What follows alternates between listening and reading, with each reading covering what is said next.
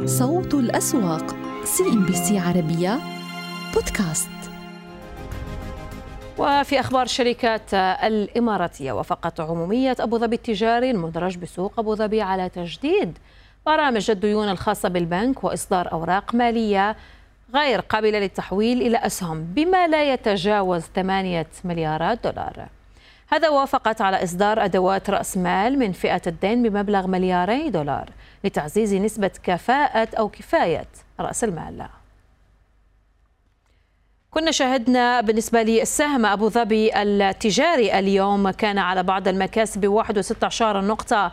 المئوية أضفنا أكثر من عشرة فلوس تقريبا 15 فلس نتداول وننهي الجلسة عند مستويات 9 دراهم و35 فلس بالنسبة للتداولات على أبو ظبي التجاري بنهاية هذه الجلسة.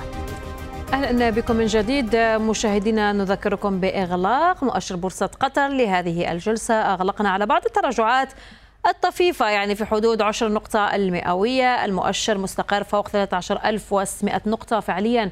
كنا شاهدنا جميع القطاعات اليوم كانت على بعض المكاسب الطفيفة ولكن قطاع الاتصالات اليوم كان من بين التراجعات بأكثر من 1% القطاع الوحيد الذي جاء على تراجع الأكبر وزنا اليوم في قطر مجموعة QNB متراجع ب 17 نقطة مصرف قطر الإسلامي 13 نقطة يعني الأسهم الأكبر وزنا ضغطت نوعا ما على المؤشر ولو يعني بشكل طفيف بالنسبة للقطاع البنكي اليوم صناعات قطر أنهت الجلسة على استقرار. النشاط كان متقلب بين تراجعات وارتفاعات الاستثمار القابضة. على رأس هذه القائمة استحوذ السهم على 21 مليون ونصف من أحجام التداول بالنسبة لاستثمار القبيضة الطبية اليوم يعود لبعض التراجعات على ما يبدو عملية جني أرباح بعد جلسة من الارتفاعات والحدود القصوى تحديدا في جلسة يوم أمس. حتى اليوم مع مطلع الجلسة كنا شهدنا هذا السهم كان من ضمن قائمة الأكثر نشاطا ومصحوب بمكاسب للجلسة الثانية. ولكن مع نهاية هذه التداولات اليوم شهدنا عودة التراجعات عليه بشكل طفيف. ازدان القابضة على تراجعات وباقي الأسهم كانت على مكاسب. الأكثر ربحية البنك التجاري اليوم يعني كان على ارتفاعات اقتربت من الأربعة في المئة المتحدة للتنمية أربعة ونصف ثلاثة ونصف في المئة مساعد للبتروكيماويات واحد وثلاثة عشر نقطة الرعاية وحتى الخليج للتأمين اليوم من ضمن قائمة الأكثر ربحية. تراجعات طالت بعض الأسهم كيو إل إم بثلاثة وربع النقطة مقدام القابضة. إزدان القابضة اليوم وتراجع هذا السهم بواحد ونصف النقطة المئوية. مصرف قطر الإسلامي ضمن هذه القائمة. وأريد اليوم متراجع بواحد وربع النقطة المئوية. وكنا لقبنا آخر تطورات في بعض الأخبار فيما يتعلق بالقطاع أو قطاع الاتصالات. أين أعلن مصرف قطر المركزي عن منح شركة أريد ماني وشركة آي باي التابعة لشركة فودافون قطر؟ رخصة تقديم خدمات الدفع الإلكتروني. هذا وأوضح المركزي القطري أن الترخيص يسمح للشركتين بتقديم خدمات الدفع الإلكتروني لأول مرة في قطر ما يمثل خطوة أولية لشمل جميع الشركات التي تقدم خدمات الدفع الإلكتروني تحت إشراف مصرف قطر المركزية. ونذكر كذلك بإغلاقات المؤشرات الكويتية لهذه الجلسة. نقف على هذه المؤشرات الأول. مؤشر القيادي متراجع بقرابة ربع النقطة المئوية اليوم. نتحدث عن قيم التداولات. تجاوزت 26 مليون دينار بنهاية جلسة اليوم الثلاثاء. الكويت الرئيسي كان على بعض الاستقرار وشهدنا هذه التقلبات بحسب الرسم البياني يعني كانت جلسة متقلبة ولكن المؤشر حافظ على مستويات ال 5800 نقطة بارتفاعات طفيفة يعني في حدود 10 نقطة المئوية فقط. العام على تراجعات بعشري النقطة المئوية اليوم 7700 نقطة محافظين على هذه المستويات. نقف على الأكبر وزنا في الكويت اليوم. كيف كان الحركة عليها؟ يعني نوعا ما البيت التمويل الكويتي اليوم عليه بعض التراجعات بعشر نقطة المئوية. هذا السهم الذي كان أحد أبرز كذلك الدعائم القيادي أو المؤشر القيادي في بورصة الكويت خلال الفترة الماضية كان دخول عليه قوي بالنسبة للفترة الماضية. البنك الأهلي المتحد اليوم يضيف 1% من المكاسب خلال هذه الجلسة. النشاط اليوم في الكويت نتركز إيفا فنادق يعني أحجام تداول قوية فعليا يعني تجاوزنا فيها ال 263 مليون. ولكن متراجع سهم إيفا فنادق اليوم مع هذه الجلسة. النشاط كان قوي على السهم. اكتتاب الوحيد ضمن هذه القائمة مصحوب ببعض المكاسب. جاءت تراجعات على كل من جياد القابضة بيتك بهذه التراجعات وبترو غالف كذلك سهم جاء على بعض التراجعات. رمال العقارية الأكثر ارتفاعا شهدنا دخول قوي على هذا السهم اليوم. أم القوين للاستثمار الخليجي ومدار بالإضافة إلى سهم اكتتاب بأكثر من سبعة في المئة. أكبر تراجعا اليوم دار الثريا العقارية. تراجعات قوية يونيكاب وثاق جياد القابضة وأرجان بقرابة الخمسة في المئة من التراجعات. ونبقى في أخبار المنطقة. كان قد أشار الرئيس التنفيذي لبورصة مسقط هيثم السالمي في مقابلة خاصة مع CNBC عربية.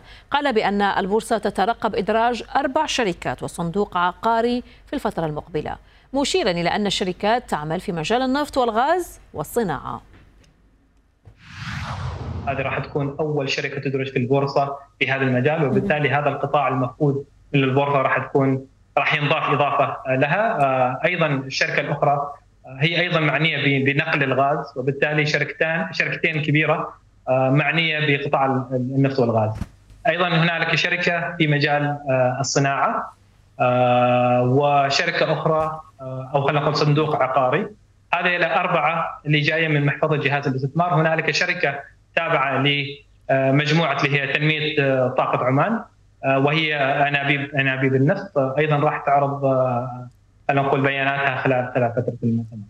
فبالتالي هم أصلا في الأصل خمس شركات آه، أربع شركات وصندوق عقاري ولكن باعتبار الصندوق العقاري هي من مجموعة الأدوات المتوفرة حاليا في البورصة راح يكون تركيزنا على هذه الشركات واللي هي أساسا ثلاثة من النفط وواحدة من قطاع الصناعة. طبعا هدفنا الرسالة اللي نريد نوصلها التركيز في المستقبل في البورصة لترقيه البورصة إلى بورصة ناشئة هذا أحد الأولويات وراح يتم من خلال تعزيز تعزيز البورصة لأدوات مالية إضافية تنضاف إلى القيمة السوقية للبورصة. هذا وأكد السلمي في ذات اللقاء بأن السوق مفتوح أمام جميع المستثمرين وأن رفع نسبة تملك الأجانب إلى 100% في بداية العام الحالي هي أولى خطوات نحو ترقية البورصة إلى السوق الناشئة. هنالك لا حدود للاستثمار الأجنبي السوق مفتوح تماما لأي مستثمر من أي جنسية آه، كانت. فهذه هي الخطوة الأولى آه، وبالتالي آه، هدفنا القادم هو إيجاد بدائل استثمارية متنوعة تتناسب مع كل الفئات.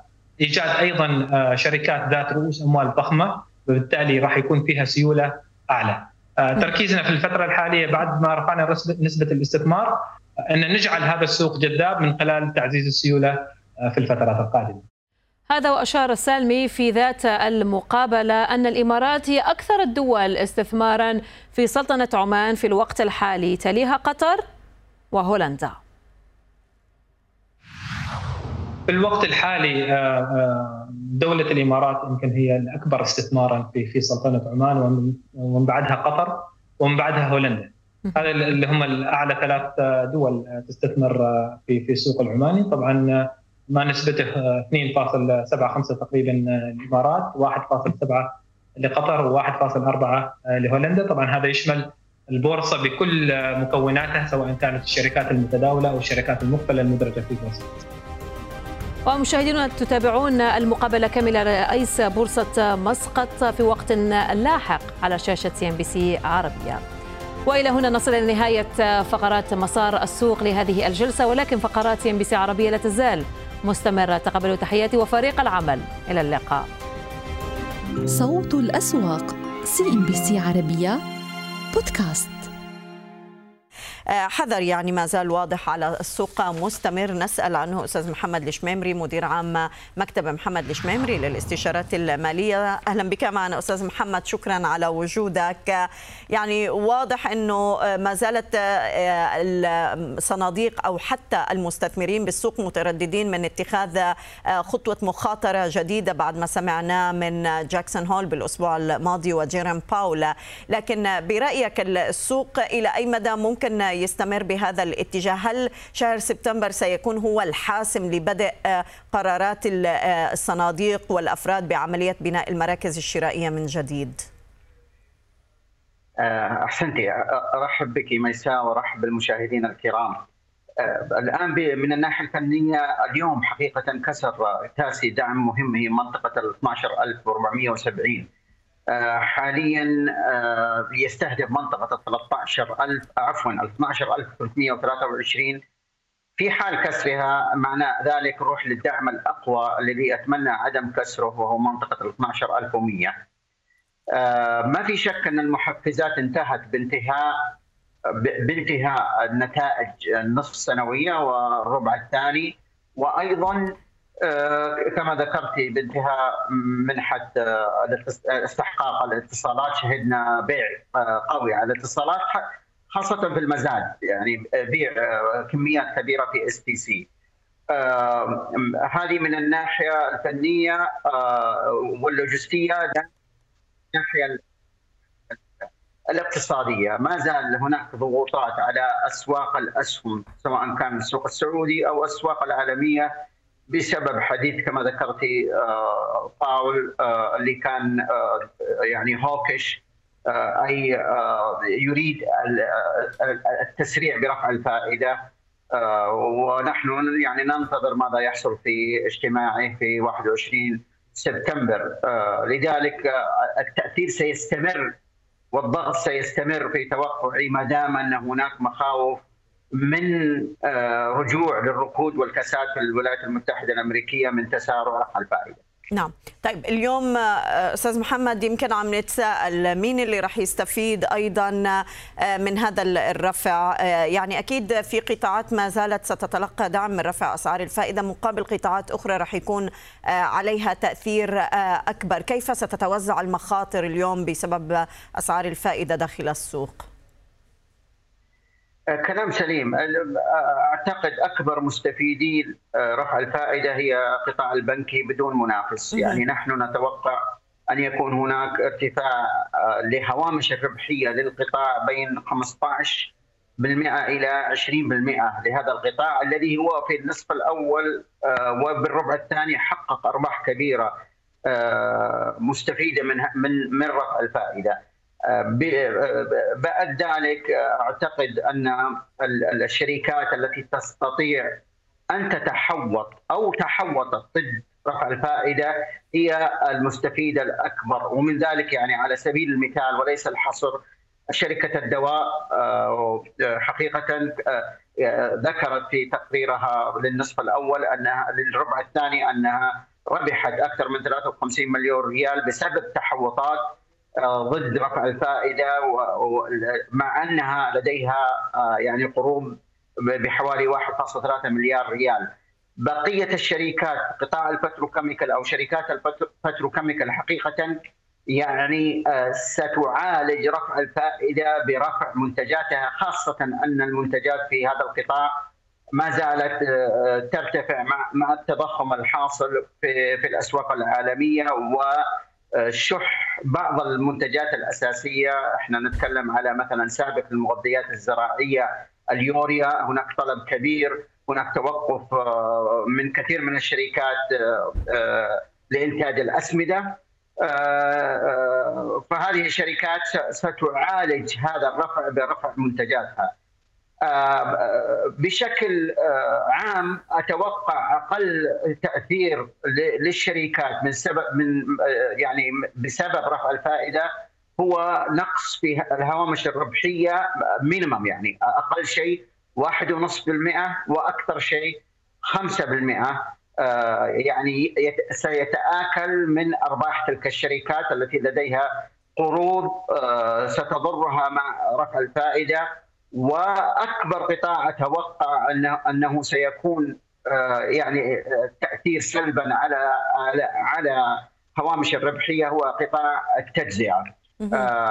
سيعاني من أمرين، من أمر أول تراجع القوة الشرائية من المستهلك، الأمر الثاني ارتفاع ارتفاع الفوائد على قروض هذه الشركات. نعم. طيب آه ويبقى آه أيضا يعني عملية التحوط بما أنك ذكرت أستاذ محمد شركة الدواء اليوم، هل كل شركات الدواء اليوم قد تنتهج عملية تحوط مسبقة قبل سبتمبر برفع الأسعار آه برأيك كما حدث في الدواء؟ حقيقة يعني يرجع ذلك إلى احترافية الشركة وفهمها للمخاطر المتعلقة بالتحوط لأن التحوط في العادة يكون سلاح ذو حدين لكن إذا إذا عولج معالجة محاسبية آه، صحيحة سيكون في الأخير مثل التأمين. آه، إن إن خسر فقد أمن على أمواله المقترضه وإن لم وإن لم يكن هناك رفع، لكن أعتقد أن رفع الفائدة في سبتمبر مسعر، الكلام الآن ما بعد سبتمبر ماذا سيحصل؟ هذا هذا الذي ينبغي للشركات أن تحسب حسابه آه، ودائما من المفترض أن يكون هناك آه، يعني إدارة للمخاطر جراء آه، التحوط سواء كان التحوط من الفائدة أو التحوط من صرف من أسعار الصرف في الأسواق العالمية.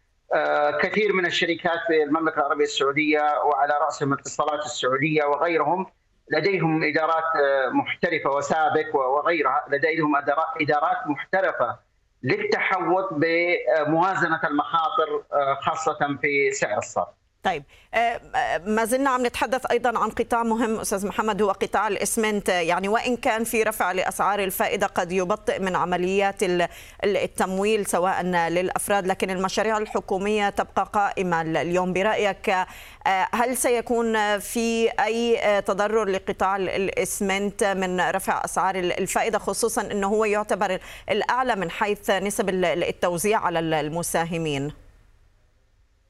أحسنتي نعم. آه، يعني في تقرير خرج من مصرف الراجحي أو الراجحي المالية ذكر أن أكبر نمو يراه في 2022 هو النمو في آه، الرهون العقارية من المستهلك.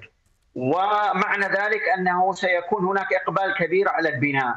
ومن ثم بشكل مباشر وغير مباشر سيكون إيجابي على شركات البناء مثل خزف وبوان وأيضا شركات الإسمنت نعم. أعتقد أن شركات الإسمنت ستستمر في التوزيع متوسط التوزيع في هذا القطاع أو الشركات المهمة حقيقة 5% وهو جذاب للمستثمرين كتوزيع واستثمار في نفس الوقت. نعم. نشكرك أستاذ محمد الشميمري مدير عام مكتب محمد الشميمري للاستشارات المالية كنت معنا من دبي. أهلا بكم من جديد حول تداولات وإغلاقات المؤشرات المصرية. نتجه مباشرة هذه المرة إلى القاهرة. أستاذ محمد كمال عضو مجلس إدارة شركة إليت للاستشارات المالية. أهلا بك معنا أستاذ محمد. شكرا على وجودك. كنا متوقعين رده فعل أكبر اليوم بالنسبة للسوق بعد تصريحات آه، وزير المالية حول الأرقام اللي قدمها سواء للاقتصاد أو حول آه، يعني تعامل البورصة بالفترة المقبلة فيما يخص الضرائب وأيضا جذب الاستثمارات الأجنبية. لكن الردود اليوم كانت هامشية واستعاد المؤشر 10150 نقطة قبل أن يقلصها بالإغلاق لماذا لم يتفاعل السوق برأيك مع هذه التوقعات؟ أهلا وسهلا بحضرتك والسادة المشاهدين. يمكن الحقيقة يمكن تصريحات وزير المالية بالأمس آه، يمكن تصريحات مبشرة وتبعث على التفاؤل والأمل ولكن هي تصريحات حتى الآن هي تصريحات. يمكن الكلام حول ضريبة الأرباح الراسماليه حتى الآن هو كلام مرهون بتنفيذ فعلي آه، بنهاية شهر أكتوبر.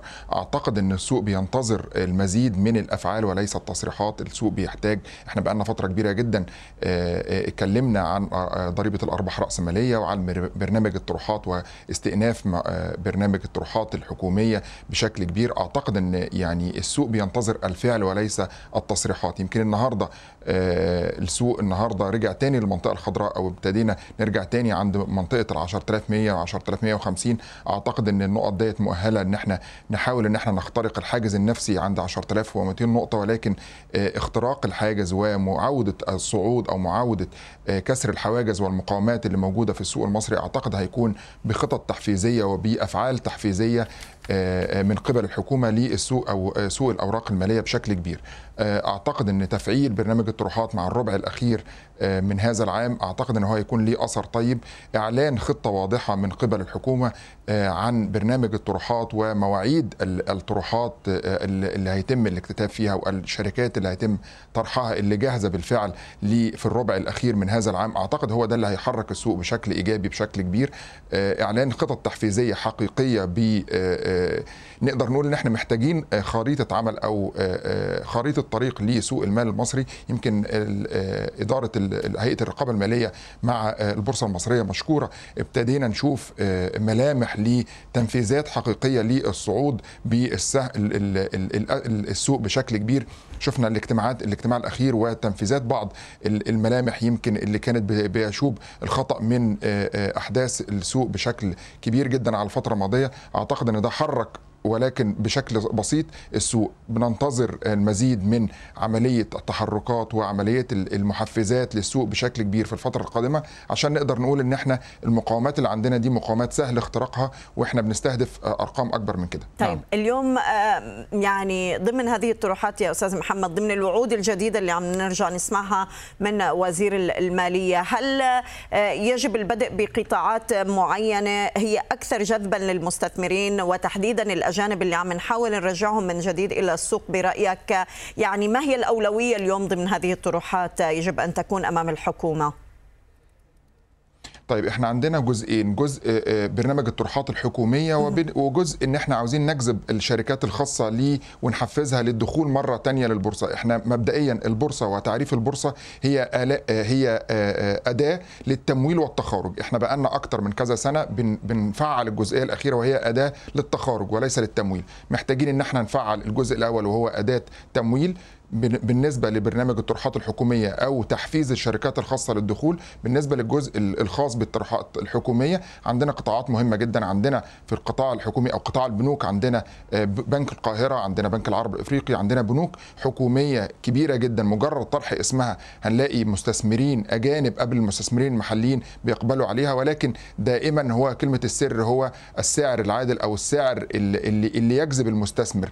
السعر اللي هيطرح بيه السلعة أو البضاعة اللي هتنزل السوق هو كلمة السر وهو ده اللي هيجذب مستثمرين بشكل كبير. لابد من إتاحة السعر أو طرح الاكتتاب بسعر يكون جاذب للاستثمار وليس سعر غير تنافسي لأن طبعا المستثمر النهارده أو فكرة الاستثمار عامة اتغيرت بشكل كبير جدا عن الفترة اللي فاتت أو عن السنين السابقة. النهارده المستثمر أو المستثمر الأجنبي بيدور ما بين الأسواق الناشئة وما بين الفرص الاستثمارية الأكبر.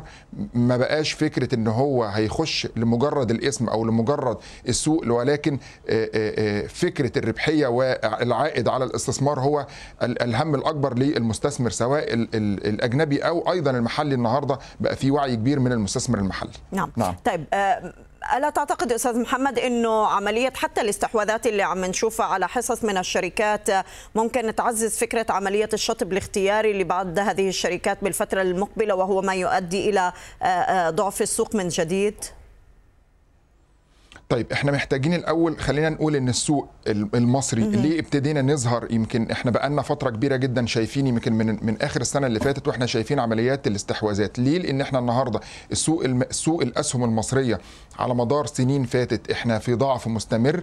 عوامل خارجية بتأثر علينا زي الكورونا سلاسل الإمداد الأزمة الروسية الأوكرانية كل ده أثرت على أسواق العالم وأسواق المنطقة بشكل كبير. ولكن السوق المصري بال أصلا كان في حالة من حالات الضعف فكل المؤثرات الخارجية دي أثرت أكتر على سوق الأسهم وخلت أسعار الأسهم أقل من القيمة الحقيقية والأقل من القيم العادلة ليها. فده اللي خلى فكرة الاستثمار وزي ما قلت لحضرتك فكرة الاستثمار النهارده اتغير إن النهارده مردود أو العائد على الاستثمار في الدخول في شركات قائمة بذاتها موجودة بأسعار أقل من قيمتها الحقيقية إحنا بنتكلم على حالات إحنا شفنا فكرة الاستحواذ على شركة شركة مثلا في القطاع العقاري حجم الأراضي اللي عندها أكبر بكتير جدا. لو لو إحنا بس بعنا الأراضي دي وحاولنا إن إحنا نرجع فلوس الأراضي دي على السهم هنلاقي إن سعر السهم هنلاقيه بيتضاعف عن السعر الموجود على الشاشة. فده اللي بيخلي صناديق سيادية ومستثمرين أجانب بيخشوا عاوزين يستحوذوا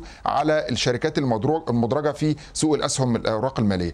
فكرة طرح بضاعات جديدة أو طرح أسهم جديدة وشركات جديدة حكومية وخاصة هيخلي في عمق للسوق هيخلي في فكرة الاستثمار لأن النهارده أنا لما بروج للاستثمار في سوق الأوراق المالية أو سوق الأسهم يمكن من من أوائل العبارات اللي بنسمعها بس السوق ما يقدرش يستوعب كم الاستثمار اللي إحنا نقدر نحوله. السوق مش مستوعب الكلام دوت مفيش بضاعة جديدة مفيش شغل نقدر نتحرك فيه.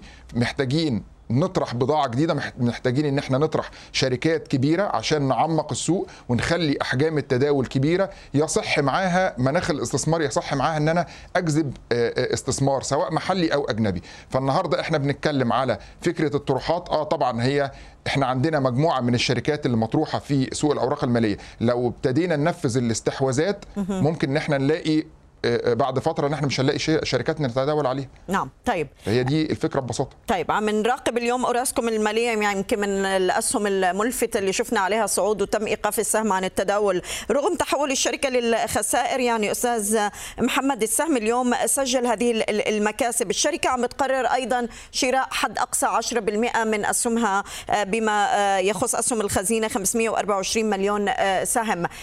يعني كيف عم نفسر حركة السهم اليوم؟ اليوم رغم هذه الخسائر والتحول للخسارة؟ طيب السهم عامل خسائر فعلا عامل خسائر بس في عندي أرباح نشاط ابتدت تزيد آه اللي حرك السهم من وجهة نظري بشكل إيجابي على الشاشة وهو آه فكرة ان إن الشركة ابتدت آه تعلن عن شراء أسهم خزينة فده شجع المستثمر في الدخول بشكل مضاربي سريع إن هو يبتدي يتحرك على الأسعار الموجودة اللي هي برضو أسعار أقل من المفروض عليها طبقا للتقييمات. فالنهاردة هو بياخد هامش ربح صغير بيخش بيشتري النهارده بأسعار علشان لما الشركة تبتدي تنزل السوق تشتري أسهم خزينة فيبتدي هو يكون هو الجانب الآخر وهو جانب البائع هو اللي يبيع للشركة اللي عاوزة تشتري الأسهم الخزينة أو مجلس الإدارة لما ينزل يشتري أسهم الخزينة. فأعتقد إن هي عملية trading أو عملية شراء سريع في أو متاجرة سريعة في السوق. برأيك عملية التخارج اللي حصلت من بيلتون اليوم يعني والشركة يمكن أعلنت سابقا إنه رح تستغلها بإنشاء صندوق مخاطر حتعيد الشركة من جديد للربحية بفترة الربع الثالث أستاذ محمد هذا التخارج؟ أعتقد إن ده هي هي هيسمع في نتائج أعمال الربع الثالث وهيكون في في اختلاف في نتائج الأعمال بشكل كبير بالتأكيد طبعا. نعم نشكرك أستاذ محمد كمال عضو مجلس إدارة شركة إليت للاستشارات المالية. كنت معنا من القاهرة. شكرا لك. إذا كانت هذه جولتنا مشاهدين على المؤشرات السعودية التي تباينت وكسر لمستوى ال 12500 نقطة على التاسع وعودة ارتداد خضراء للمؤشرات المصرية بعد جلستين من التراجع. أشكر لكم حسن المتابعة. نهاية الكلام. إلى اللقاء. صوت الأسواق. CNBC عربية. بودكاست.